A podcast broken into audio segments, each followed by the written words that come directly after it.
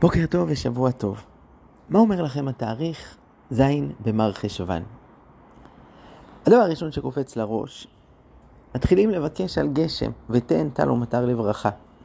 אמנם השנה הגשם קצת הקדים והגיע עוד לפני שביקשנו, אבל מעכשיו אנחנו שמחים לקראתו שיהיה חורף עם הרבה גשמי ברכה. אבל גם בתאריך הזה לפני 90 שנה נפטר האדם שהמציא את אחד הדברים החשובים ביותר בעולם התורה, הדף היומי. קראו לו רבי מאיר שפירא מלובלין. האיש הזה, לא תאמינו, נפטר בגיל 47. לא היו לו ילדים. אבל הוא השאיר לנו מתנה ענקית, וזה לימוד הדף היומי. בכל יום, כרגע נמצאים במחזור ה-14. כשמאות אלפי אנשים בכל העולם משתתפים בלימוד דף אחד ביום. הנה סיפור אחד על האיש הזה שמתחבר אל התקופה שלנו. אני חוזר יותר ממאה שנים אחורה, 1911.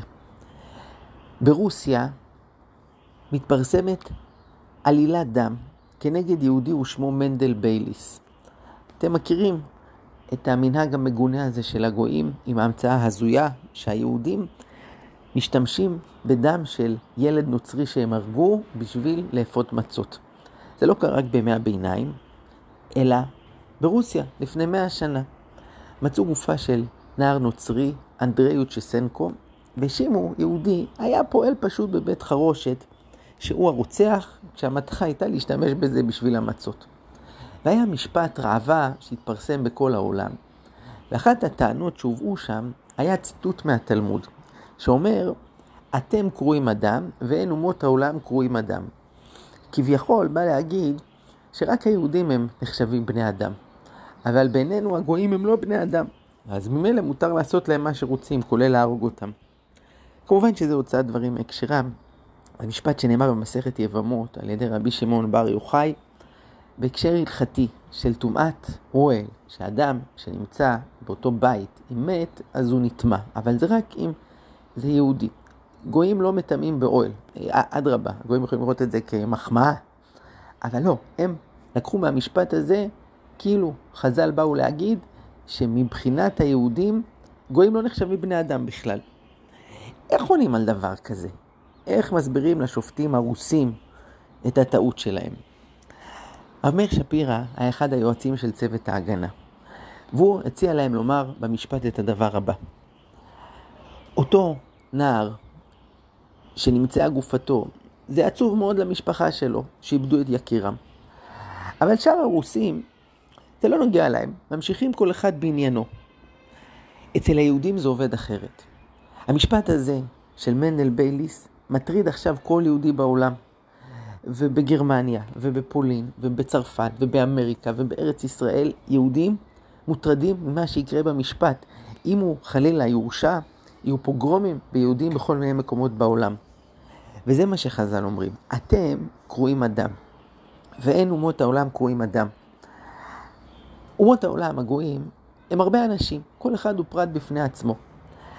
אבל אתם היהודים קרואים אדם. כלומר, רק אצל עם ישראל, כולכם נחשבים כמו אדם אחד, שיש קשר בין חלק אחד שלו לחלק השני. גם בעברית המילה אדם אין לה צורת רבים, לא אומרים הרי אדמים, נכון? כי זה ישות אחת שמורכבת מכל מיני פרטים והם כולם קשורים ביניהם. בסופו של דבר, מנהל בייליס, לא תאמינו, הוא זוכה במשפט. הוא עלה לארץ. אבל הרעיון הזה של רב מאיר שפירא מלובלי, שהיום עלו 90 שנה לפטירתו, אפשר לראות אותו בימים האלו.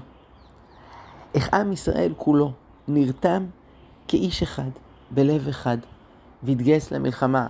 שם ברוסיה, כשפוטין נלחם נגד אוקראינה, כמה הוא מתקשה לגייס חיילים כשיש לו 160 מיליון אזרחים. פה בישראל הקטנה, תוך זמן קצר, 350 אלף איש התגייסו.